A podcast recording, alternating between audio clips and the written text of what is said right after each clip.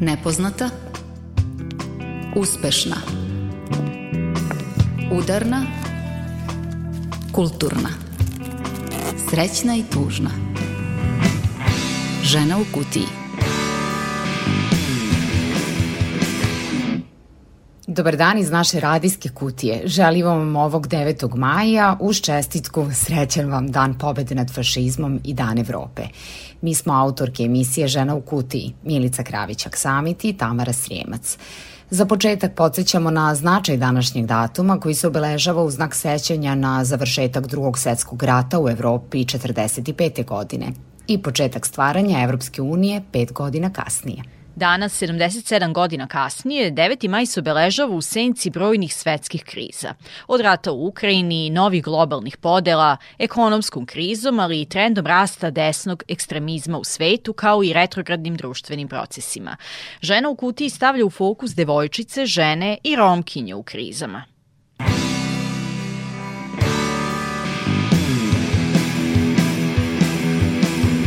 Ko su devojčice u pokretu i zašto je važno da se sistem specifično bavi decom koja se nalaze na migranskoj ruti?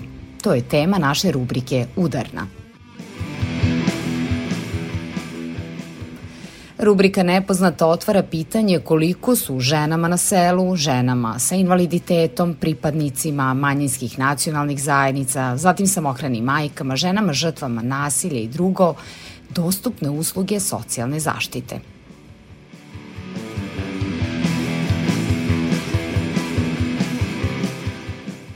Današnja uspešna žena u kutiji je novosađanka Marina Radulović, prva žena morski kapetan u Srbiji.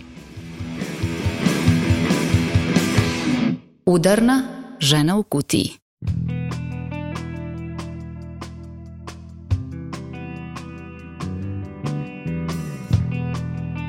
Šta znači biti devojčica u pokretu? I zašto je važno da se sistem specifično bavi decom koje se nalaze na migranskoj ruti, tema je naše rubrike Udarna. Analiziramo položaj, problemi i moguće rešenja za poboljšanje položaja devojčica i dece, koji se već godinama nalaze u pokretu. Predstavljamo istraživanje Devojčica u pokretu na Balkanu koje je uradila nevladina organizacija Atina i aktualizujemo te podatke u svetlu zapravo rata u Ukrajini. Sa Andrijanom Radojičić iz te organizacije razgovara naša Tamara.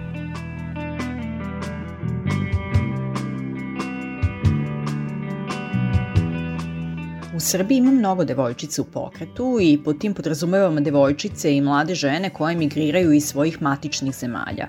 Devojčice u pokretu obično nisu prioritet za kreatore javnih politika, njihove priče se ne čuju često, a, tako da ćemo sada čuti deo njihove priče. Andrijana, a, za početak, zašto je važno da se kreatori javnih politika specifično u migranskim krizama bave devojčicama u pokretu? Pa zato što je to jedno široko strukturalno pitanje, pitanje devojčica koje se nalaze u rizičnim situacijama i zbog toga i društveno i politički moramo se zalažemo za politike koje promovišu prava devojčica, posebno pravo na zaštitu, posebno devojčica koje se nalaze u pokretu, koje su bez dokumenta i sve vreme moramo da insistiramo na pozivanje vlasti na odgovornost kada je reč o ostvarivanju svih tih prava. S druge strane, sve državne politike koje imaju za cilj da spreče i ograniče migracije moraju biti osporene i e, kad god se migracioni e, propisi pooštre, čak i kada su e, u pitanju propisi koji zaustavljaju trgovinu ljudima, rizik za devojčicu pokretu se povećava i one postaju ranjivije baš u odnosu na trgovce ljudima, krijumčare i druge počinioce nasilja. Ono što je najvažnije jeste da mora da se obezvedi efikasan pristup procedurama za dobijanje azila i da se promovišu trajne rešenja za devojčice u pokretu i za njihove porodice. Šta to konkretno podrazumeva. To uključuje i kreiranje rodno i starostno osetljivih procedura za azil, politika integracije, e, koje na neki način omogućavaju porodicama i devojčicama da žive samostalno, odnosno da dobiju stalni e, boravak.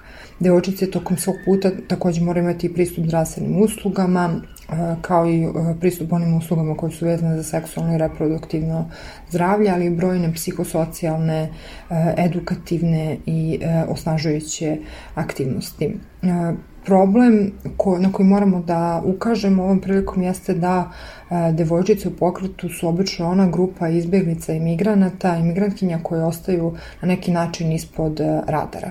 I e, ono što bi e, svi kreatori javnih politika e, i oni koji primenjuju javne politike morali da poboljšaju u svom radu i u procedurama jeste zaštita dece nakon što oni budu identifikovani e, na granicama i uključivanje služba za zaštitu dece kako bi se osiguralo da se spoštuju svi važeći protokoli o zaštiti dece. Devojčice u pokretu na Balkanu je istraživanje koje je upravo dalo glas tim devojčicama i to onima koje su se zatekle u Srbiji. Koliko je devojčica učestvovalo u istraživanju, koje su starostne dobi i iz kojih zemalja porekla? U tom istraživanju učestvovala 17 devojčica koje putuju sa svojim porodicama. One su bile e, uzrasta od 11 do 18 godina. Takođe učestvovali su mlade žene koje su se na ovaj put e, otisnule onda kada su bile maloletne. E, žene i devojčice koje su učestvovali u istraživanju mahom dolaze iz Afgani, dolazile su iz Afganistana, Iraka, Irana i Sirije. Istraživanje je rađeno 2018. godine i zanima me koliko je to rep reprezentativan uzorak u kontekstu tadašnjih dešavanja na migrantskoj ruti. Ovaj uzorak je u tom trenutku bio reprezentativan u odnosu na populaciju migranata koje je boravila u Republici e, Srbiji. Istraživanje je publikovano 2019. godine kada je e, broj izbjeglica i imigranata porasto, odnosno kada je zvanično registrovano oko 30.000 novih izbjeglica i, i migranata u Republici Srbiji, što je negde oko duplo više u odnosu na 2018. godinu. Važno napomenuti da te godine najveći, jedan veliki deo izbjeglica i, i migranata su zapravo bili deca, negde skoro pa 20% e, svih osoba koji su se našli u Republici Srbije na putu migracija činila su e, deca.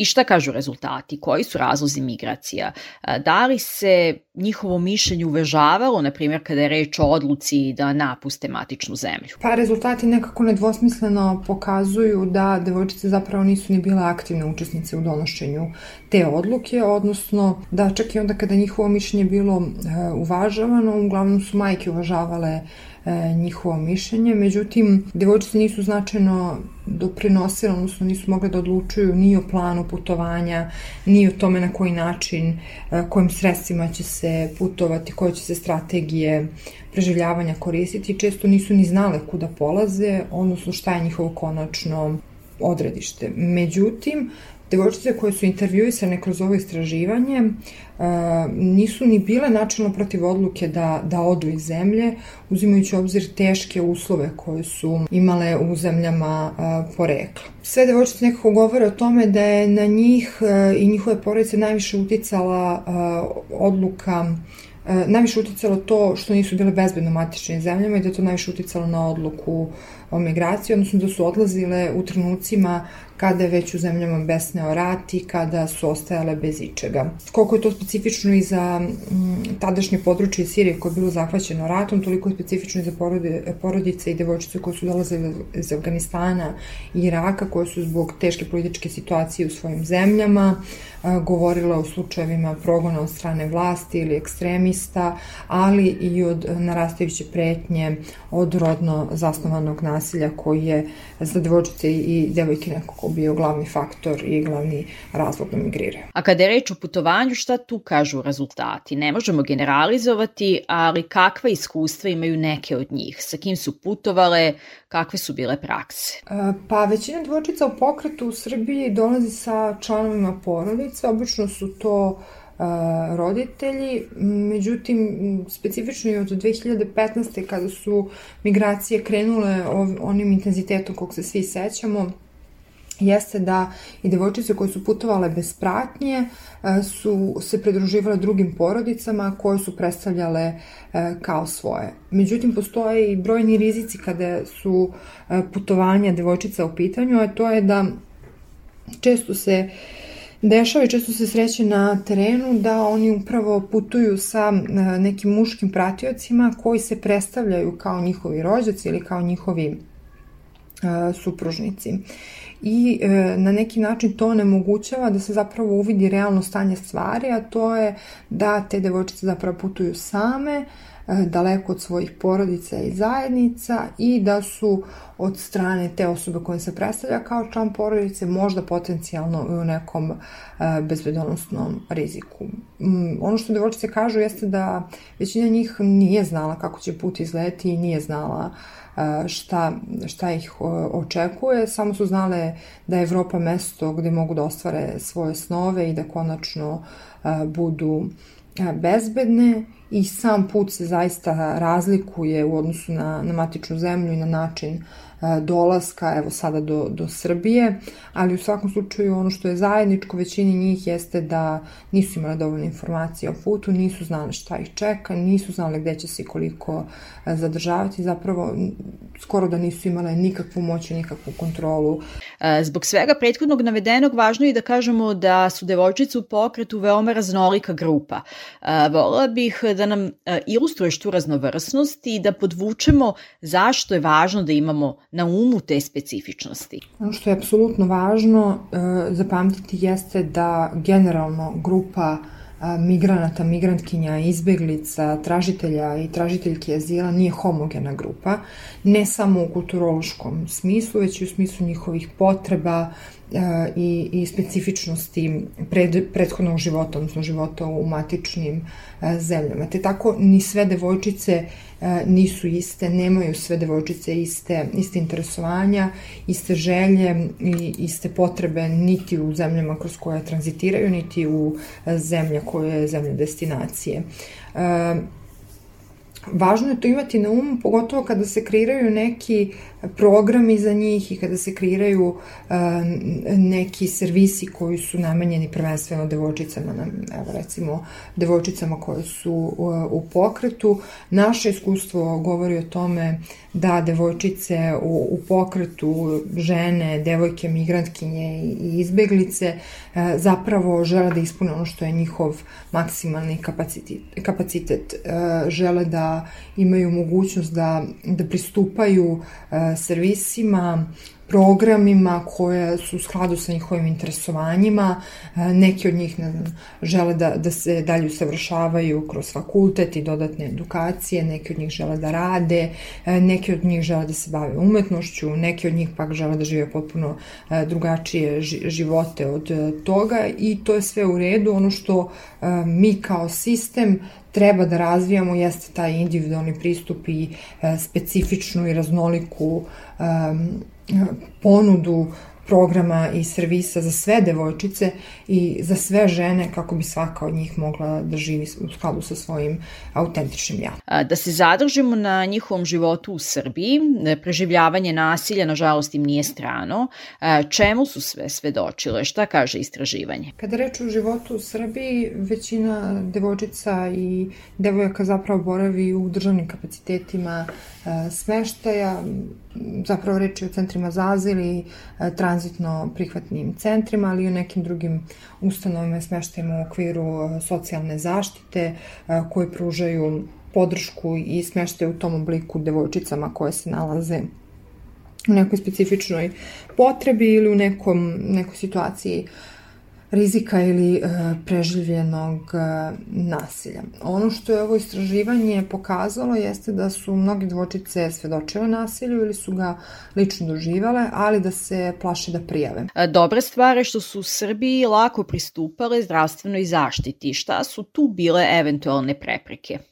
u nedostatku kulturološke osetljivosti od strane prevodio, od strane profesionalaca, što govori prilog tome da često nisu imale podršku, pomoć prevodioca ili da nisu mogli da biraju lekara, odnosno uh, pol i ro, rod lekara koji će ih pregledati i da je to na neki način E, otežalo njihov pristup e, zdravstvenoj zaštiti. E, s druge strane, treba imati u vidu da je ovo istraživanje rađeno u periodu 18. i 19. a da se situacija 2020. i pa i danas znatno promenila kada je u pitanju pristup zdravstvenim uslugama za sve devojčice, za sve žene i za sve građane i građanke ove zemlje, pa i tako za devojčice u pokretu iz izbjegličke migrantske populacije koje su na neki način ostale uskraćene i za ovaj ovaj vid podrške i, i prava. E, postoje tendencije, postoje kapaciteti unutar samih centra, centara za azil i tranzitno prihvatnih e, centara kada reč o zdravstvenoj zaštiti. Oni su vrlo limitirani i ne odgovaraju potpunosti na, na potrebu, e, posebno ne na potrebu devojčica i, i žena u pogledu reproduktivnog zdravlja. One naravno imaju pri, pravo i e, treba im biti omogućen e, pristup e, svim zdravstvenim uslugama koje su dostupne i građanima i građankama Republike Srbije. S druge strane, njihova izolovanost u centrima, nepoznavanje jezika, nepoznavanje prava, nepoznavanje procedura ih i tekako ostavlja u ranjivom položaju. Kakva je situacija kada je reč sa njihovim obrazovanjem u našoj zemlji? Pa kada je reč o obrazovanju, situacija se znatno popravila i poboljšala u odnosu na 2015. odnosno deca izbeglice imaju pravo na upis u osnovnu i srednju školu. Neke, neke primjeri dobre prakse govore i o izbeglicama, imigrantima, imigrantkinjama koji su uspeli da se upišu i na fakultet i da studiraju u Srbiji, da se dalje usavršavaju. Uh, međutim, postoji ta borba kada reč o priznavanju prethodnog um, obrazovanja i, i diploma. Uh, s druge strane, kulturološke različitosti i na neki način diskriminatorne stavovi kada je reč o uključivanju e, devojčica, a i dečaka u, u obrazovanje, govorimo o mešovitim odeljenjima, o uključivanju iz, dece iz izbjegličke imigranske populacije u redovno uh, školstvo zajedno i sa uh, decom iz domicijalne populacije. Još uvek, nažalost, postoji ta tendencija segregiranja uh, dece koja se zaista ni u praksi nije pokazala kao delotvornom, čak naprotiv, i tekako su primjeri dobre prakse pokazali o važnosti integracije dece u zajednice u kojima žive, povezivanje sa lokalnim e, stanovništvom i zapravo reakcije, sa ob, obostrane reakcije su više nego pozitivne i više nego e, efektivne i delotvorne, što za integraciju, što za smanjivanje diskriminacije, podizanje tolerancije u društvu, kulturološke raznolikosti i mnogih e, drugih stvari. Ono čemu devojčice i žene dosta govore jeste i neki nedostatak e, neformalnih aktivnosti i da je to nešto što, što je njihova potreba, ne samo redovno obrazovanje, već i neka mogućnost povezivanja sa zajednicom i sa resursima u zajednici kroz neke neformalne oblike udruživanja i povezivanja. Da ne bude samo da mapiramo probleme i nedostatke, e, nego da damo i nekoliko informacija kako možemo pomoći devojčicama u pokretu. Šta im je potrebno? Devojčicama u pokretu se može pomoći vrlo lako. Ono što je potrebno jeste da ih saslušamo, uvidimo i pokušamo da razumemo i da iz tog razumevanja treba da proisteknu programi, servisi i, i usluge. I to e, nije nešto previše e, komplikovano, potrebno je da postoji jaka volja, politička volja i potrebno je da postoji e, jedna pa na neki način neki odnos odgovornosti prema politikama i propisima i procedurama i ugovorima i zakonima koje se ova država obavezala da sprovodi. Onda kada bude postojala odgovornost prema svim tim obavezama, onda ćemo imati situaciju u kojoj e, nemamo samo dobro napisane zakone, već imamo dobru praksu njihovog sprovođenja, odnosno imamo sistem koji je na mestu i koji je efikasan i koji je koristan za sve građane, građanke, e, za sve devojčice, za sve dečake, pa čak i za one koji su e, usputno ili koji tranzitiraju kroz Srbiju. Rat u Ukrajini otvorio je novu izbegličku krizu, uglavnom su na putu žene i deca. I koliko je važno da prethodno navedene podatke iz eto skorašnjeg istraživanja naša država ima na umu prilikom prihvata izbeglica. Podaci i istraživanja i, i statistika e, na dnevnom nivou govori o tome da su to uglavnom e, žene i deca. I dosta je važno da to imamo na umu kada kreiramo odgovor na ovu nadolazeću novu izbegličku krizu, ako uopšte možemo govoriti o nečemu što je novo, obzirom da je naša država već e, od 2015. pogođena migracijama i da je tu puno, puno e, iskustva rada sa različitim kulturološkim e, grupama i sa ljudima u različitim potrebama, tako da ja mislim da to iskustvo ne smemo da zaboravimo ni kao društvo ni kao država.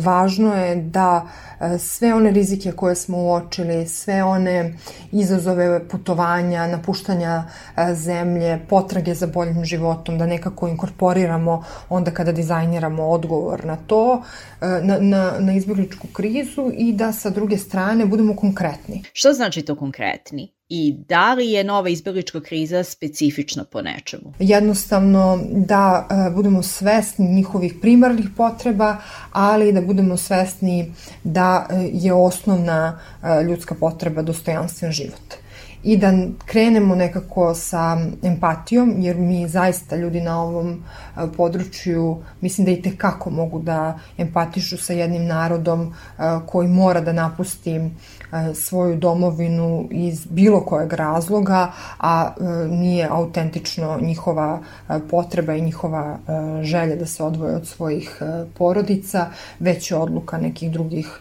sila i nekih drugih faktora, tako da mislim da mi tekako treba da empatišemo sa tim narodom i da mi imamo taj kapacitet i da u skladu sa tim treba i da se postavljaju i politike i sistemi i odgovori i da se kreiraju programi za prihvat tih osoba, odnosno žena i devojčica i svih drugih osoba koje dolaze iz područja koje je zahvaćeno ratom, da se pristupi na jedan empatičan, human način i mislim da po tome ova kriza nije ništa specifičnija od bilo koje druge krize izbjeglištva sa kojom smo se suočavali evo već dve ili tri decenije. Dakle, solidarnost i empatija u skladu sa današnjim danom. Hvala mnogo na ovom razgovoru. Za Radio Novi Sad govorila Andrijana Radojičić iz nevladine organizacije Atina.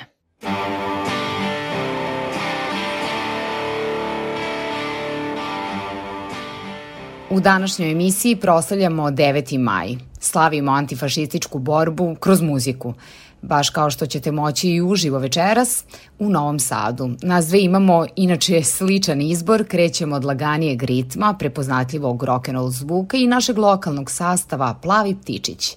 Neko kao ti, da vam popravi dan, ali i veče ukoliko se odlučite na posetu koncertu u fabrici od 19 sati.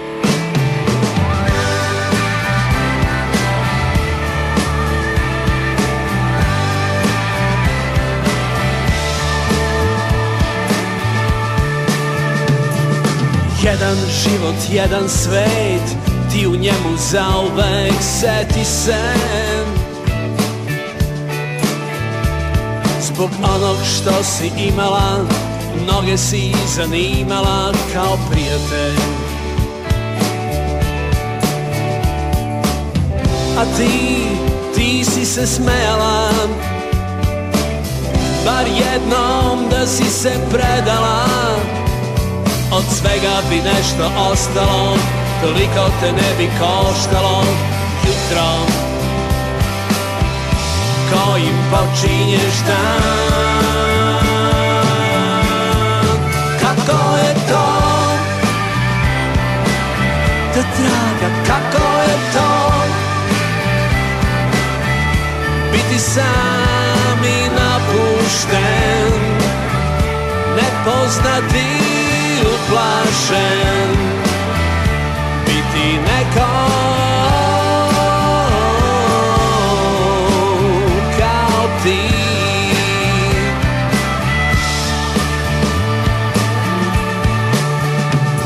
U najbolje školi, najbolji đak Bila si prva, bila si jedina. Tvoj korak je pratio grad Tvoj osmeh je budio glad svakome. Nisi znala za kompromis Samo uzmeš pa ostaviš. Od svega bi nešto ostalo Toliko te ne bi koštalo Jutro. Kojim počinješ dan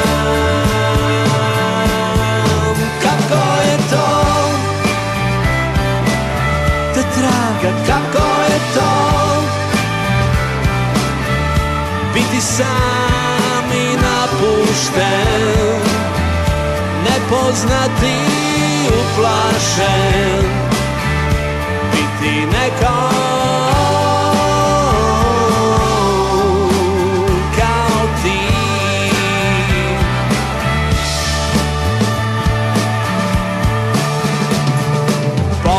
Si primala, naklone dobijala svaki dan.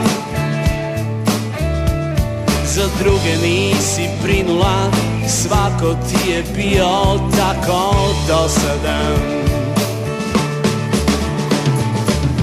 Tu gde se sada nalaziš Prsten moraš da založiš ništa nije ostalo Suviše je koštalo jutro. Kojim počinješ dan?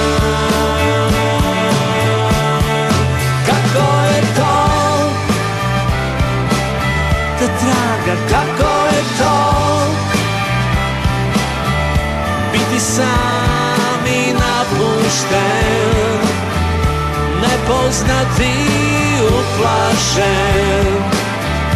Biti nekom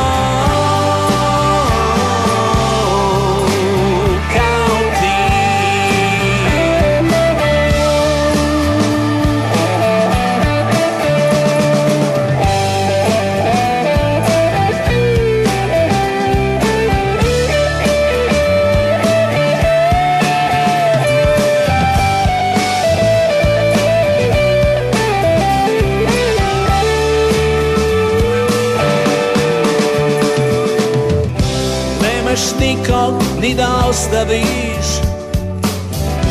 Nemaš ništa ni da izgubiš Jer ništa nije ostalo Suviše je koštalo jutro. Kojim počinješ dan? Kako je to? Te traga kako biti sam i napušten Nepoznati uplašen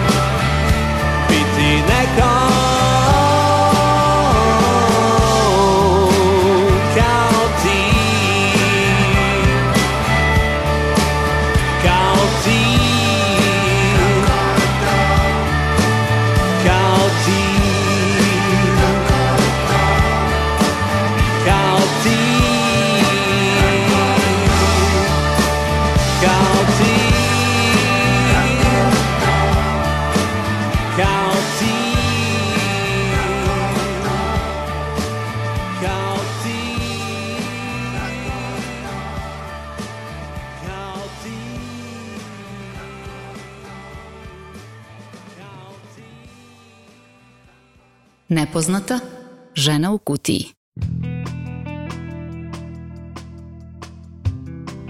Koliko je i da li je svima dostupna socijalna zaštita? Žene sa sela, zatim žene sa invaliditetom, žene iz nacionalnih zajednica, samohrane majke, žene koje su žrtve nasilja, nepismene žene, one koje su bez mesta prebivališta ili pripadaju nekoj seksualnoj manjini, koliko su im dostupne usluge socijalne zaštite. Istraživali su multietnička feministička mreža Vojvodine kojom koordinira Udruženje Roma iz Novog Bečeja i rezultati istraživanja nisu baš pozitivni – i ohrabrujući, tako da smo o tome razgovarali sa Danicom Jovanović, koordinatorkom multietničke feminističke mreže. Tamara, šta kažu rezultati istraživanja? Pa u najkraćem nisu baš pozitivni, ni ohrabrujući i upravo o tome razgovaram sa Danicom Jovanović koja je koordinatorka multietičke feminističke mreže. Dobar dan. Dobar dan vama i vašim slušalcima. Da, mi smo radili istraživanje i ovo istraživanje e, zaista jeste poražavajuće. Projekat koji, go, koji se zove Progovori na tebe je red uz podršku UN Womena ovde u Srbiji. E, sprovodio se u deset opština u Vojvodini i to je Novi Bečej, Bečej, Kovačica, Zrenjanin, Sremska Mitrovica, Kovin, Alibunar, Kikinda, Pančevo i leva obala Beograda. Da, i razgovarano je sa 50 žena.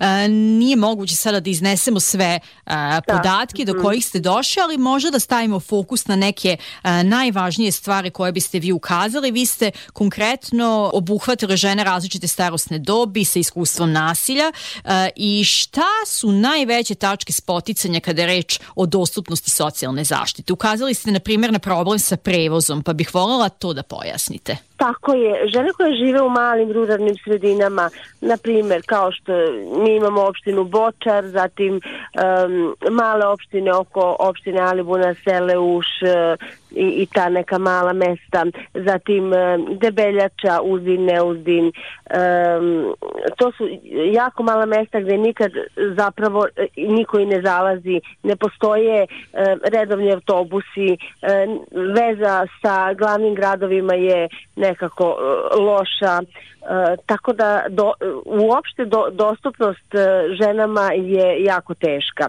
E, žena, na, evo ja ću na primjer, jedan, jedan primjer navesti, ako je povređena, ako ima teške fizičke povrede, e, nema prevoz, mi znamo da živimo u teškom patrijarhatu, pogotovo u malim ruralnim sredinama, gde komšija neće da je preveze. Ne daj Bože da je maloletna, ne daj Bože da je romkinja, da, da je siromašna, a, a, a zapravo naše ciljne grupe i jesu takve, jer dolazim sve sve telefona na, na jezicima nacionalnih manjina, tako da je e, jako teško za tako jednu ženu da dođe, da dobije e, socijalnu zaštitu, da prijevi centru, da, da ode kod doktora, da da, da ode na urgentni centar koji znamo da je u Srednjem Banatu u E, Zrenjaninu. E, znamo da je ovaj, kada govorimo o, o drugim gradovima, na primjer Bečeju, to u Novom Sadu, pa onda kako doći do tih centara zapravo je, jeste problem. Starosti I suština smo... jeste da, da se napravi neko sistemsko rešenje problema. Tako Šta je, je vaš predlog? Kako bi moglo rešenje da se iznađe? Pa, uh, institucije bi morale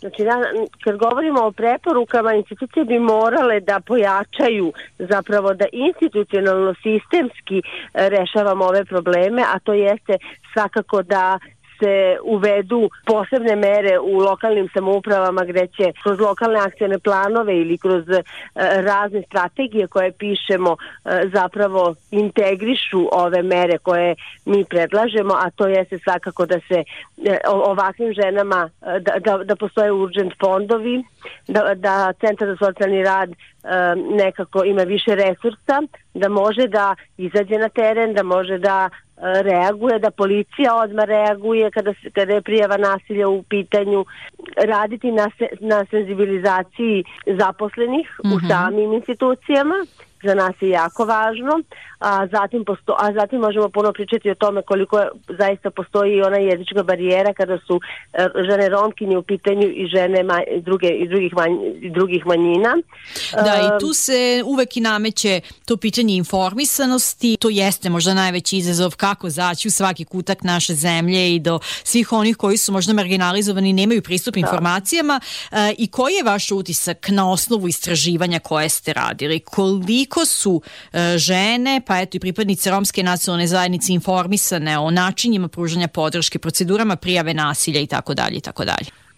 Pa smatram da nemaju dovoljno informacija, informišu se uglavnom od nevladinih organizacija, a to jesmo mi koje idemo direktno kod njih u naselja uh mhm. -huh. i one imaju e, i mrežu SS Vojvodine, to je ovaj besplatan broj 0810 10 10 i naš broj 023 774 959 gde pozovu i informišu se šta su prvi koraci, kome se javiti, uh, od koga prvo dobiti pomoć, onda mi savjetujemo prosto, ne, nije naš princip savjetovanja, ali pro, prosto ukazujemo na to da, da, da moraju da odu kod doktora, da moraju da imaju potvrdu o povredama, da, mo, da, da bi pokrenule postupak.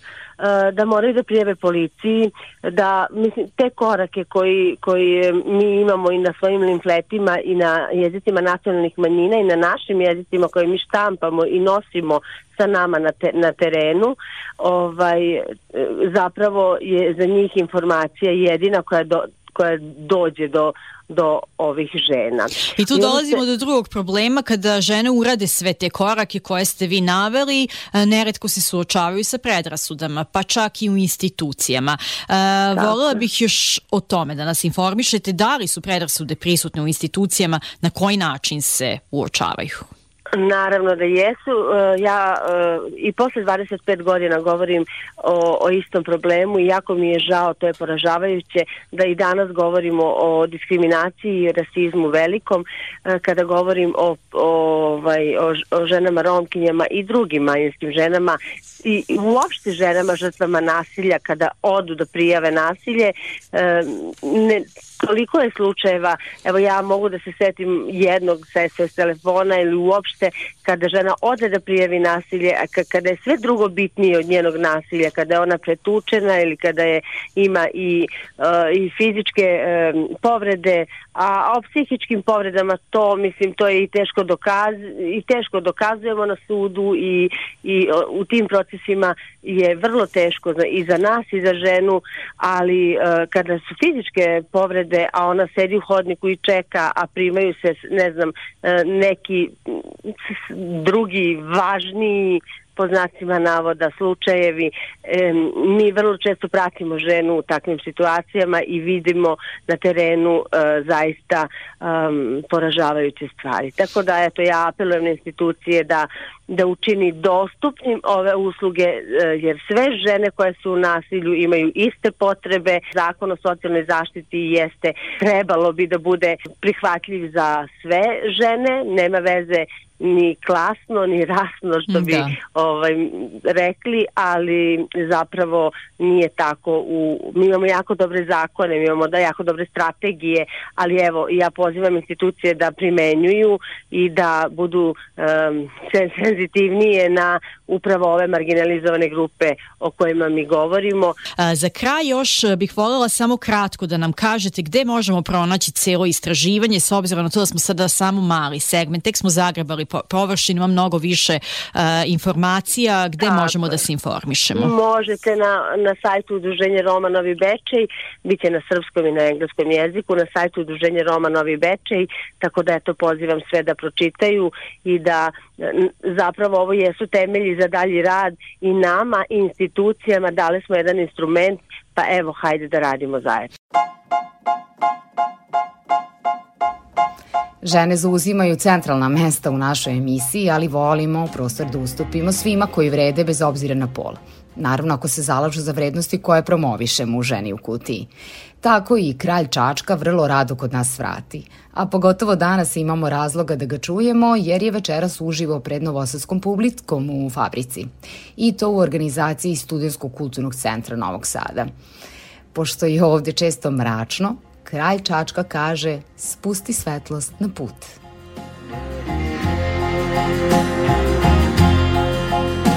Je sakrio mnoga siva lica Teški za oprost, metak i ekser Jasno se čuje gde je mržnji klica Ovde je mračno, spusti svetlost na put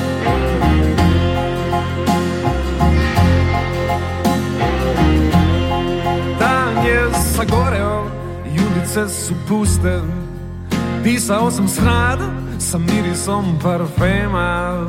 Sada stojim pred vratima šume. Ovde je mračno, spusti svetlost na put.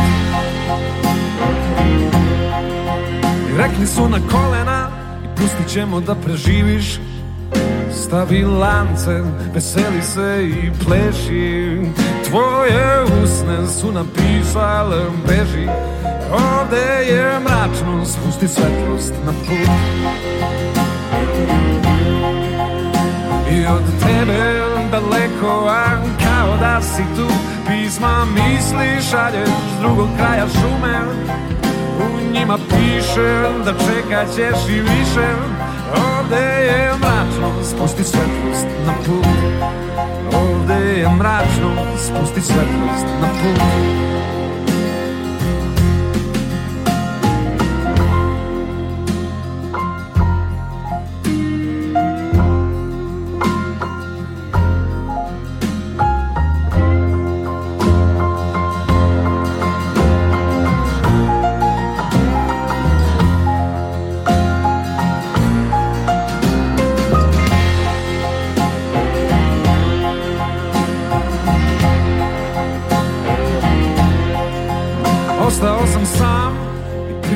prijatelja nemam Nazad ne mogu, napred da idem moram.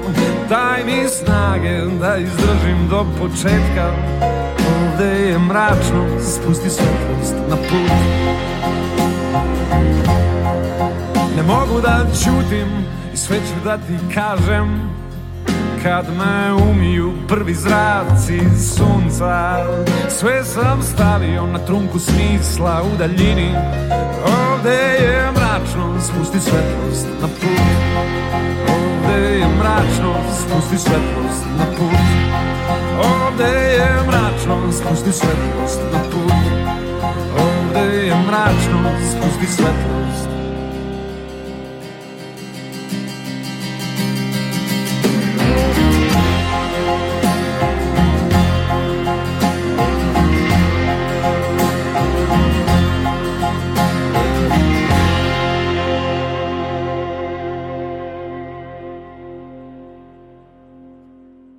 Nepoznata, uspešna. Žena u kutiji. A u rubrici Uspešno nepoznata novosađanka Marina Radulović. Ona je po profesiji lekarka opšte prakse, jedno vreme radila u farmaceutskoj industriji, ali nisu nam u fokusu ta njena zanimanja. Ona se potpuno prekvalifikovala. Marina se okrenula moru i plovidbi. Ona je prva žena morski kapetan kod nas u Srbiji. O svom poslu, izazovima koje nosi, o radu sa ljudima, Sa novosadskom skiperkom razgovarala je naša koleginica Ljubica Balać.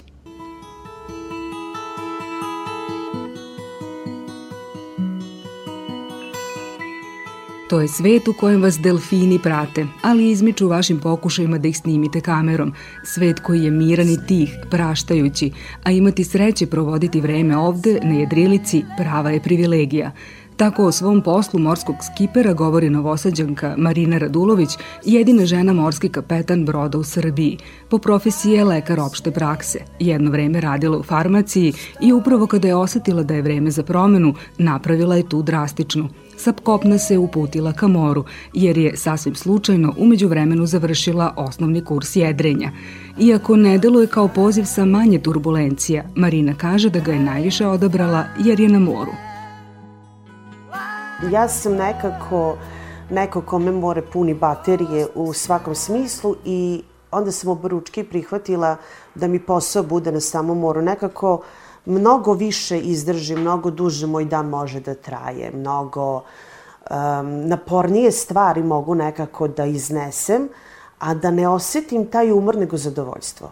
I to neko uživanje koje takav posao nudi u tom miljeu u kojem je, je zapravo i najveći razlog što se bavim time. Znači, samo mora je, da kažem, broj jedan. Zašto? A broj dva, naravno, e, mesta i ljudi koje tako vidite, upoznate, jer postoje mesta gde možete stići samo brodom, praktično ne biste nikad imali tu privilegiju da neka od tih uvala, ostrva, ni vidite. Nekad ih vidite slučajno, nekad planirano, ali uglavnom to uvek bude divno.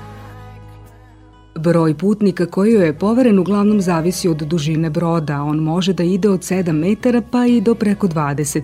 Vožnja joj traju od sad dva, ali i do tri nedelje, koliko je najviše provela na moru. U Novi Sad se kaže vraća kad krene grejna sezona, a gde je sve njena profesija kapetana broda odvela, sada već teško može i da pobroji. Što se tiče jedrenja, uglavnom po Mediteranu, Jadranskom moru najviše, to je neka domaća bara, tako da kažemo i neki naš akvatorijum gde se najviše i krećem. A što se tiče recimo eto kruzera, tu stvarno ovaj, je bilo svačega preko one strane okeana i, i tako okolo naokolo. Iako od vremenskih prilika, vode, vetra i oblaka mnogo zavisi, Marina kaže da su najveći izazovi na brodu, među ljudima. Sa morem se svaki put snašla, iako je bilo raznih situacija. Bilo je divnih, onih onako, što kažete, idiličnih za fotografije, spotove i tako to.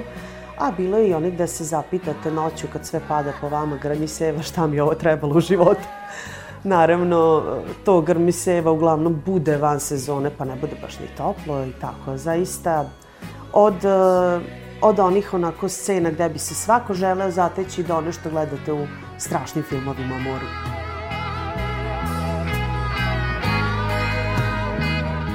Mogu reći da su mu dosta stvari postala drugačija osoba praktično od kad sam se osamostalila kao uh, upravitelj brodice, to jest skiper. Uh, iz razloga što kada imate jednu takvu odgovornost da ste odgovorni prvo za sebe, naravno, e, i za sve ostale ljude i za plovilo, e, vama se negde izoštri intuicija i onda naučite to bolje da slušate. To je jedan deo koji mislim da smo svi negde već istranirani da zaboravimo, da zakopamo, da e, iz ovog ili onog razloga ili izgovora stavimo pod tepih kada e, je nešto drugo bitnije. A redko šta je bitnije od toga, jer praktično e, to što vam se prvo javi, to je uglavnom onako negde naj, najveća istina i, i negde gde ćete najbolje reagovati. Tako da uh, jedrenje i, i život imaju jako puno paralela, nezamislivo puno. Uh, i um, ako naučite da ih koristite, možete mnogo bolje da prođete nego pre. Jedrilica je možda poslednje zaista slobodno mesto na planeti, podsjeća nas na kraju Marina na te reči Henrija Bogarta i samog skipera. Ona se za svoju slobodu izborila, pre svega sa sobom, a onda i sa svim prilikama koje su je sputavale.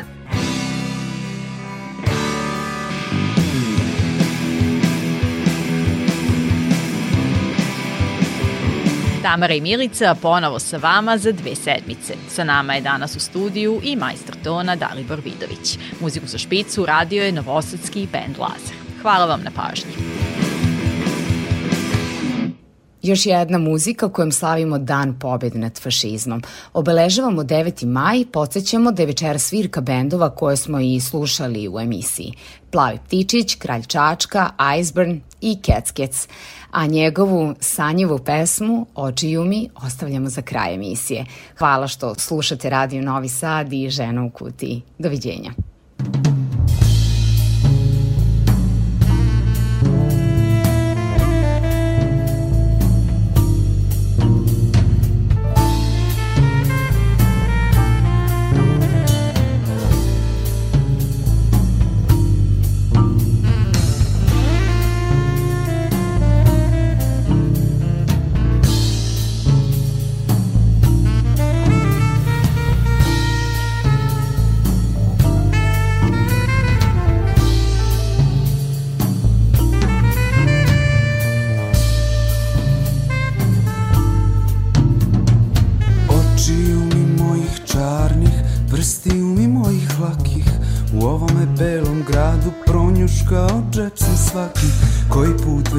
Sedim, obraz mi je zato rumen.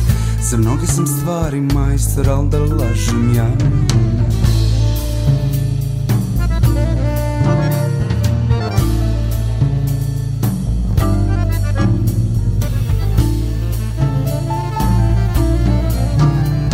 Za onoga belog juga što se meni pripisuje je taj ko vam je za to rekao Slagao je Trafiku Pavla Papa o kojoj se toliko zbori Ne da nisam opljačkao već ni znao da postoji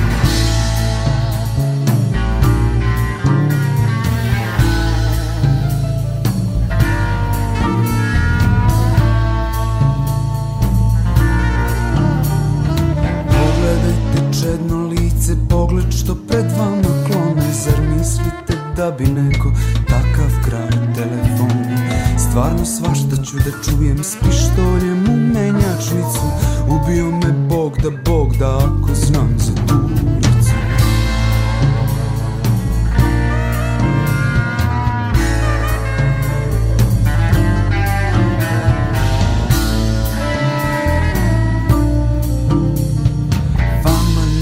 priča priče, neko nam se smeje Sedim ovde već tri sata, daj ti ćebe da se skrenem. Nit sam krao, nit varao od poslednjeg gostovanja. Lekciju sam naučio, dosta